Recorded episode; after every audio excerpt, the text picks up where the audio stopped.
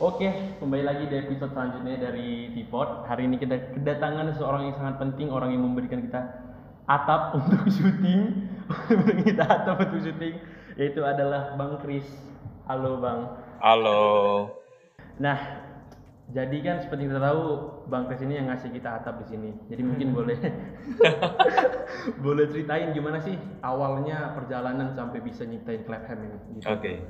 Nah, eh, selamat sore. Sore atau siang yang denger Nah, ini, ini pagi kayaknya sore lah. all time, all time. Ya, Oke, all time. Nah, thank you banget untuk kesempatannya tuh bisa sharing hari ini. Jadi eh, senang banget. Jadi sebenarnya 2015 itu memang eh, ada satu pemikiran ya, karena di Medan itu kan kita itu kalau bicara persaingan antar daerah ya Mhm. di Indonesia itu eh, mungkin eh, pada eh, pasca 2000 itu berubah menjadi eh, persaingan ekosistem Oke. bukan lagi persaingan di mana satu orang punya skill yang bagus, uh, punya uh, kerja keras yang keras, uh, bisa bersaing dengan daerah-daerah lain. Jadi itu kita udah masuk namanya era kolaborasi Hmm. dan uh, kompetisi itu berubah menjadi ya bukan lagi perorangan jadi satu ekosistem. Siapa punya ekosistem yang bagus, itulah yang menang. Kompetisi tadi ya. Kompetisi. Oke, jadi oke. uh, tapi kompetisinya bukan satu satu orang lagi Ah, itu oke, kayak oke. misalnya dari tim sepak bola gitu kan Oke. kan nggak bisa kita ada satu Ronaldo bisa menang atau ada Hmm. manajer yang luar biasa langsung bisa menang nggak ini udah jadi kita bicara ekosistem nah jadi ibarat kayak sepak bola ya kita bukan saja ada tim yang bagus bukan aja ada manajer yang bagus tapi bahkan mungkin kalau kita bilang istilahnya akademi Oh. itu kan akademi sampai apa harus ada ada ekosistemnya. Nah, ketika saya lihat di Medan dan 2015 memang saya memutuskan gue mau stay di sini. Gue tanya apa yang saya bisa uh, kontribusikan untuk uh, menumbuhkan ekosistem seperti ini. Nah, jadi 2015 kita memang mulai perencana itu awal tahun ya, awal tahun Ah. 2015. awal tahun. Cuma kita mulai bukanya akhir 2015. Oh, akhir oke. kita buka. Cepat juga berarti ya. Perencanaan awal akhir langsung jadi gitu ya. Tapi sebenarnya benihnya udah ada 2013. Dari 2015. Karena oke. coworking space pertama itu di Jakarta, koma itu bukanya 2013. Hmm. Dan karena ini masih sebuah bisnis yang baru, uh, belum ada kayak data yang bisa kita pakai. Jadi Oh, iya. kita 2015 memutuskan udah hajar aja, kita lihat gimana bisa gak kita buat satu tempat yang secara bisnis model kita nyewain tempat kayak istilahnya warnet yang lebih modern lah. Hmm. Tapi pada saat yang sama kita juga bisa gunakan tempat itu jadi satu platform di mana orang-orang yang mau berkarya, mau belajar itu bisa ngumpul gitu loh. Oh, jadi Clapham itu tujuannya untuk bikin ini Iya. tadi ya. Jadi banyak sekali kalau uh, lihat uh, mungkin dari lima tahun uh, kita berdiri uh, bisnis ya kita tetap jalan, tapi yang kita lakukan adalah community building. Oh, Kita koneksiin orang, kita tahu ah ini ada misalnya ada programmer, ada orang yang mau buat startup, bisa dipertemukan di sini. Jadi di sini memang kita benar-benar fokus, kita mau tumbuh, kita mau uh, sama-sama belajar gitu. Jadi hmm. karena ya salah satu yang di paling penting dalam karir seseorang uh, itu sebenarnya kita harus punya ekosistem atau uh, tim tadi. komunitas Oh, yang bagus. komunitas. Sama seperti kalau kita di sekolah, kenapa orang pilih sekolah?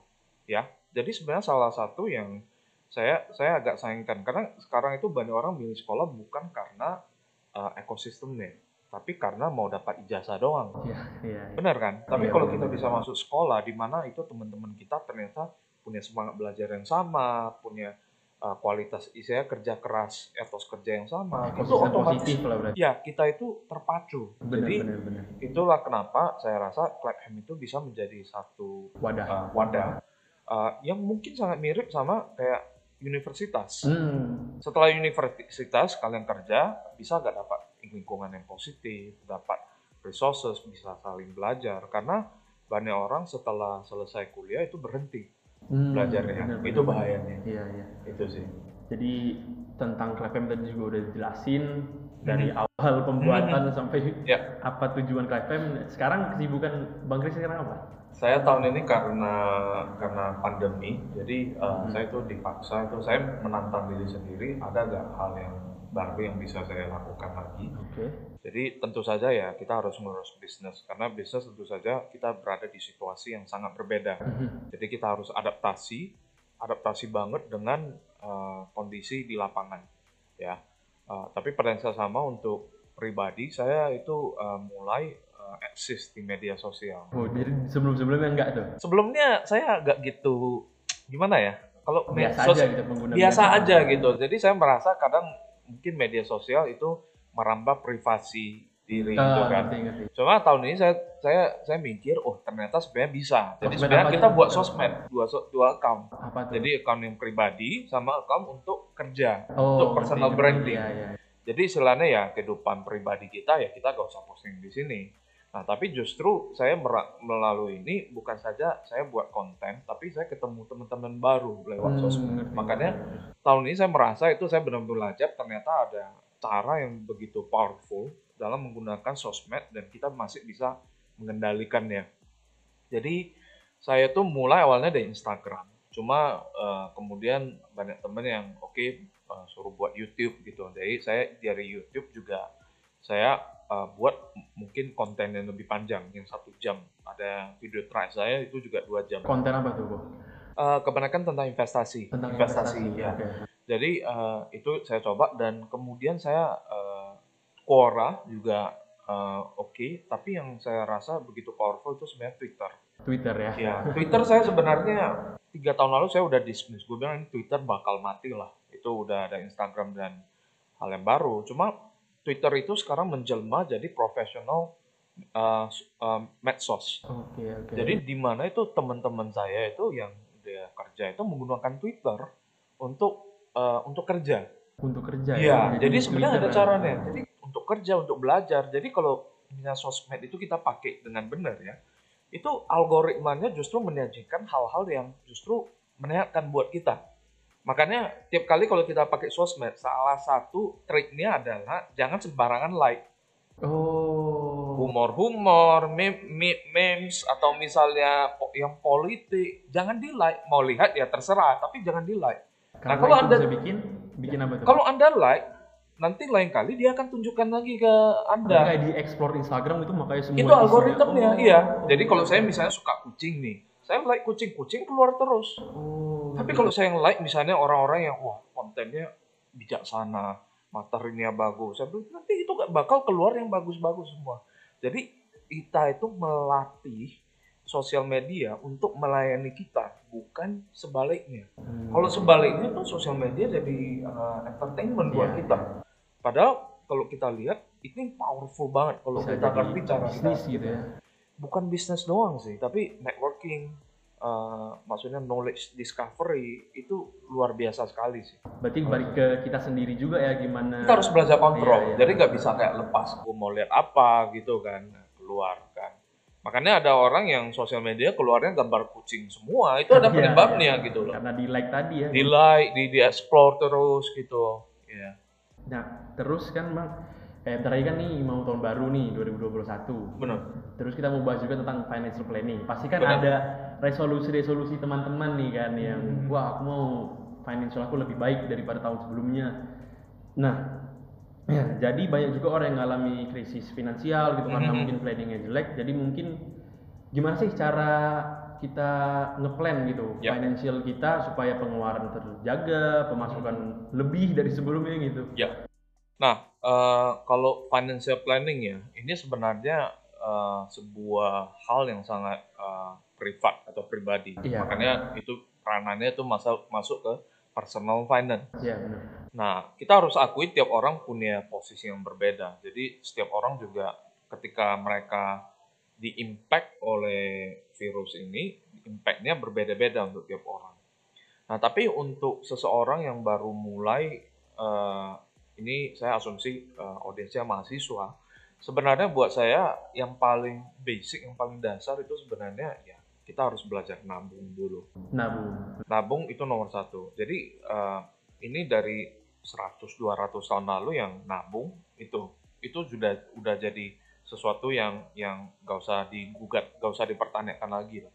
Nah, nabung sama yang kedua itu lifestyle control, lifestyle pengeluaran. Jadi nabung sama pengeluaran ini dua dulu aja yang paling paling mendasar. Nah, kenapa ini begitu penting? Karena ini adalah fondasi buat setiap orang. Jadi lu mau kita mau plan sebagus apa pun, tapi kalau yang namanya nabung, yang namanya pengeluaran kita tidak bisa kontrol, itu nantinya ya plan sebagus apa pun itu gagal ya, ya tetap jadi plan gitu, nggak bisa dijalani.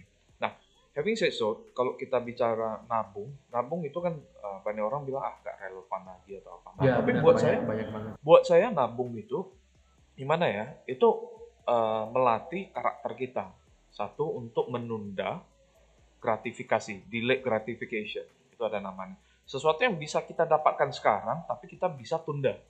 Nah itu mem memaksa kita untuk mikir apa sih yang sebenarnya penting untuk kita keluarin. Karena kalau kita pikir nggak semua hal itu penting. Ya, benar-benar. Bisa ditunda. Nah sesuatu yang bisa ditunda ya silakan tunda. Nah itu itu kalau soal nabung dan nabung itu juga melatih mindset kita bahwa kita sadar bahwa tidak setiap saat itu hidup kita mulus. Benar, benar. Ada saat-saat di mana kita harus mengalami misalnya kesusahan. Nah, di saat itu kalau Anda ada tabungan itu bisa membantu Anda sama seperti buffer gitu ya.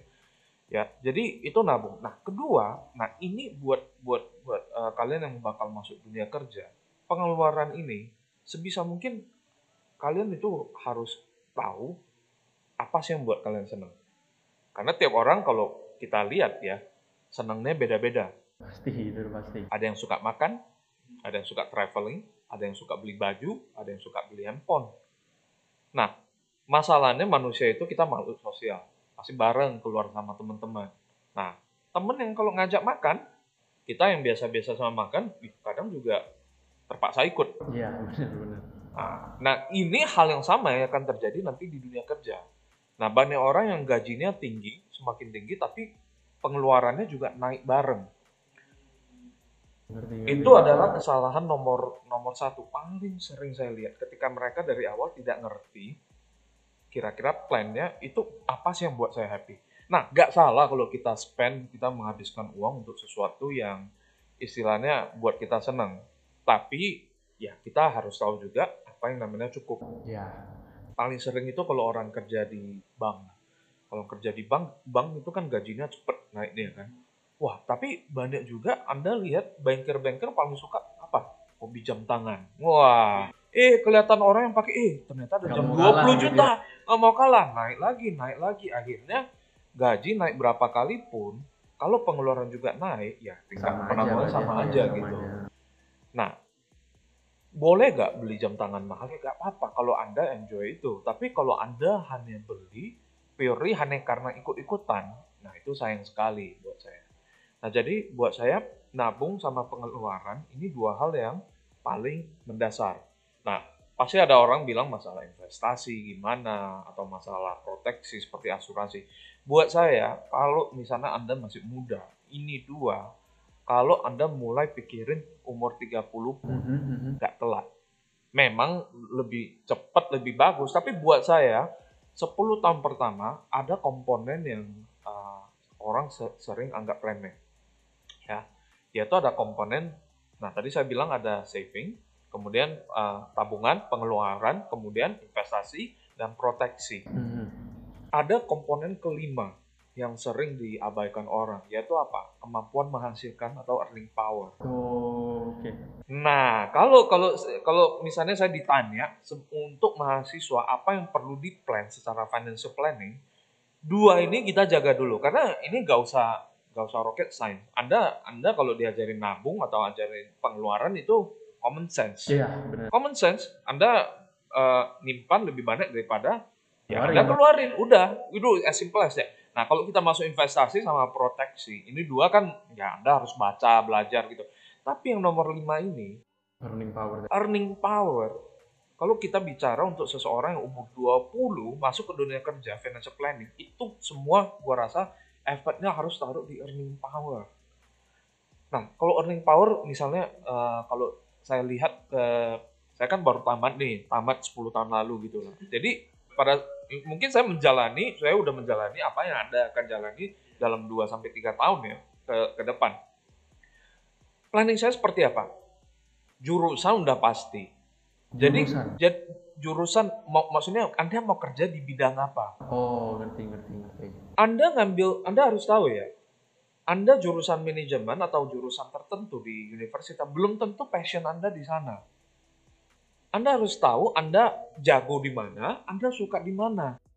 Makanya banyak yang salah jurusan gitu ya. Ya kalau salah jurusan nggak apa-apa, salah jurusan nggak apa-apa. Cuma di dalam universitas Anda bisa curi start 3 sampai 4 tahun. Mikirin bener-bener gak? Is this really what I want to do gitu. loh. Nah, itu karena Anda tahu kalau Anda bekerja di bidang yang Anda suka dan di bidang yang Anda bagus, Mhm. Anda akan jauh lebih bagus. Anda akan uh, jauh lebih advance, jauh lebih uh, kuat ketika kompetisi sama orang.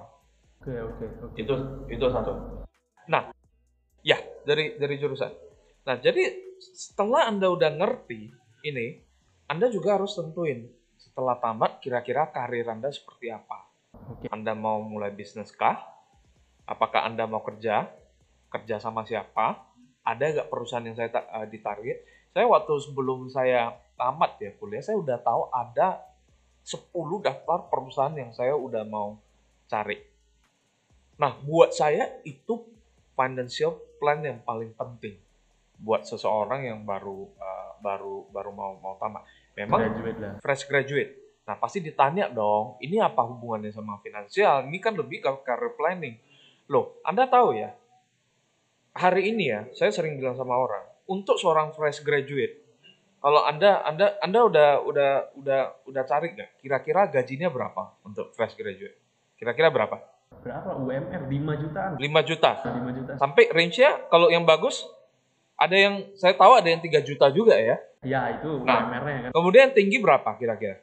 Berapa? 7 paling enggak? 7 juta, 3 sampai 7 juta. Berarti ada perbedaan 4 juta. Nah, jadi gini, sebagai fresh graduate Anda bayangin ya. Range-nya kalau Anda dapat perusahaan yang lebih bagus, Anda dapat 7 juta. Anda perusahaan yang mungkin kurang bonafit 3 juta. Nah, cara Anda plan 10 tahun pertama Anda akan menentukan posisi Anda ketika Anda umur 30. Nah, ketika umur 30, Anda lihat ya orang yang 30, ada gak yang gajinya 5 juta? Yang 30 tahun ya? Ada nggak ya? Ada. Tapi nggak sebanyak Nah, sekarang saya tanya, 5 juta atau oke lah 6 7 juta. Saya saya sebenarnya gajinya jauh di bawah itu sih. Karena saya bayarin eh, bayarin saya sendiri dikit gitu. tapi tapi oke, kita bilang lah 7 juta. Sekarang saya tanya, ada gak orang 30 tahun yang gajinya sebulan 40 juta?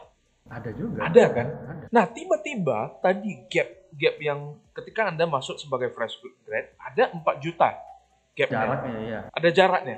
Tapi begitu Anda di umur 30, tiba-tiba gap itu Tinggi. meledak. Sebenarnya kalau kita mau tarik ada gak yang 100 juta per bulan? Ada juga. Jadi gap itu bisa sampai 90 juta. Nah, sekarang kalau kita balikin pertanyaan, kenapa ada orang yang gajinya mungkin 50-60 juta, kenapa ada yang 5 juta? Nah, jawabannya apa? Itu tergantung apa yang orang itu lakukan selama 10 tahun pertama. Setelah lulus tapi ya. Iya, bagaimana dia bangun karirnya? Nah, Anda balikin bagaimana seseorang itu bisa bisa eh, mendapatkan earning power yang sedemikian besar. ya, ya. Jadi biasanya satu, karena dia kerja di perusahaan yang besar. Kedua, dipercaya megang posisi leader atau manager. Ketiga, dia punya skill-skill tertentu. Nah, makanya kita balikin lagi selama 10 tahun itu ya kita harus cari. Cari misalnya perusahaan yang bisa develop Anda. Nah, terkadang perusahaan yang bisa develop kepemimpinan bukan perusahaan yang bisa kasih gaji paling tinggi ketika kita masih fresh grad. Hmm, ngerti ngerti. ngerti. Nah, itulah sebabnya saya selalu bilang sama orang, ketika kalian fresh grad, jangan fokus ke perusahaan yang kasih gaji paling tinggi. Cari perusahaan yang bisa kasih development, kesempatan development, mentor yang bagus, lingkungan kerja, tim yang bagus juga. Kau bilang tadi ya ekosistemnya Iya. ya. Nah, efeknya ke financial planning apa? Nah, Anda bayangin ya, umur 20 sa- ketika 30, itu akan ketika Anda umur 30, kemampuan Anda nabung itu antara Anda nabung dengan gaji 50 juta atau dengan gaji 5 juta. Tentu saja kalau Anda gajinya 50 juta, nabungnya akan jauh lebih mudah. Nah, jadi istilahnya buat saya, financial planning itu sesuatu yang harus kita pikirkan lebih ke earning power terutama kalau kita masih di bawah 30 tahun. Berarti tips dari financial planning tadi di 10 tahun pertama tadi kita maksimalkan ya untuk ke depannya Iya. supaya lebih bagus. Berarti Benar. di situ ya. Nah, jadi hari ini kalau kita bicara investasi, itu eh, saya lebih lihat ke mindset di mana aset kita itu perlu dikembangkan. Nah, itu bisa aset uang kita, capital, bisa juga eh, kemampuan atau skill kita, itu kita harus invest juga. Bisa juga dalam networking kita. Nah, saya dulu suka planning, itu duit yang saya dapat saya buat untuk traveling. Ikut conference, ikut Oh. acara, saya kenal teman baru, saya belajar hal baru, networking juga membangun ya. networking. Oke. Jadi itu investasi juga. Jadi jangan kira investasi selalu dalam bentuk saham atau emas atau atau harta-harta gitu ya. jujur lah, tapi buat saya umur di bawah umur 30, Anda nabung dan uang itu dibalikin lagi kerjain lagi diinvest buat Anda sendiri. Apalagi di zaman sekarang ya. Zaman sekarang itu aset paling berharga itu sebenarnya sumber daya manusia SDM. Dan itu ada di setiap orang gitu. Iya, masing-masing gitu. Iya. Jadi buat saya investasi uh, balik lagi kalau yang nabung itu udah beres, pengeluaran udah beres, ya udah investasi. Investasi tapi bu- uh, bukan selalu mindsetnya itu harus dalam, dalam bentuk duit. Tapi dalam arti mindset kita, aset kita, harta kita harus kerja. Itu mindsetnya. Nah, jadi kan ada beberapa metode tadi kayak yang Bang Chris bilang menabung dan investasi itu untuk financial planning. Nah, kalau kita bandingin nih, kan kadang mungkin ada yang bingung gitu kan kayak oh bagusan pilih yang mana, Ya. investasi atau nabung? Bagus. Nabung dulu. Nabung, nabung dulu. ya? dulu. Nah, tidak pernah segala sesuatu itu tidak bisa uh, berdiri sendiri ya. Uh, balik buat saya fondasi paling utama itu nabung sama uh, pengeluaran dulu. Itu fondasi paling mendasar. Karena apa? Anda tahu ya, kalau Anda nabungnya benar, kunci pengeluaran Anda bisa mencapai financial goal Anda tanpa investasi. Tapi investasi Anda benar, tapi nabungnya salah, duit habis terus, itu gak akan menyelamatkan Anda. Sama aja. Tapi kalau hari ini kalau dibilang mana lebih penting, ya saya gak bisa bilang mana lebih penting. Sama seperti rumah. Fondasi lebih penting atau bangunannya lebih penting. Ya memang fondasi harus ada sebelum bangunan. Tapi rumah yang cuma ada fondasi gak bisa ditinggalin juga kan. Tidak nyaman kan. Makanya dua-duanya itu harus diambil. Gak usah dipilih. Jalani dua-dua Benar, ya. iya.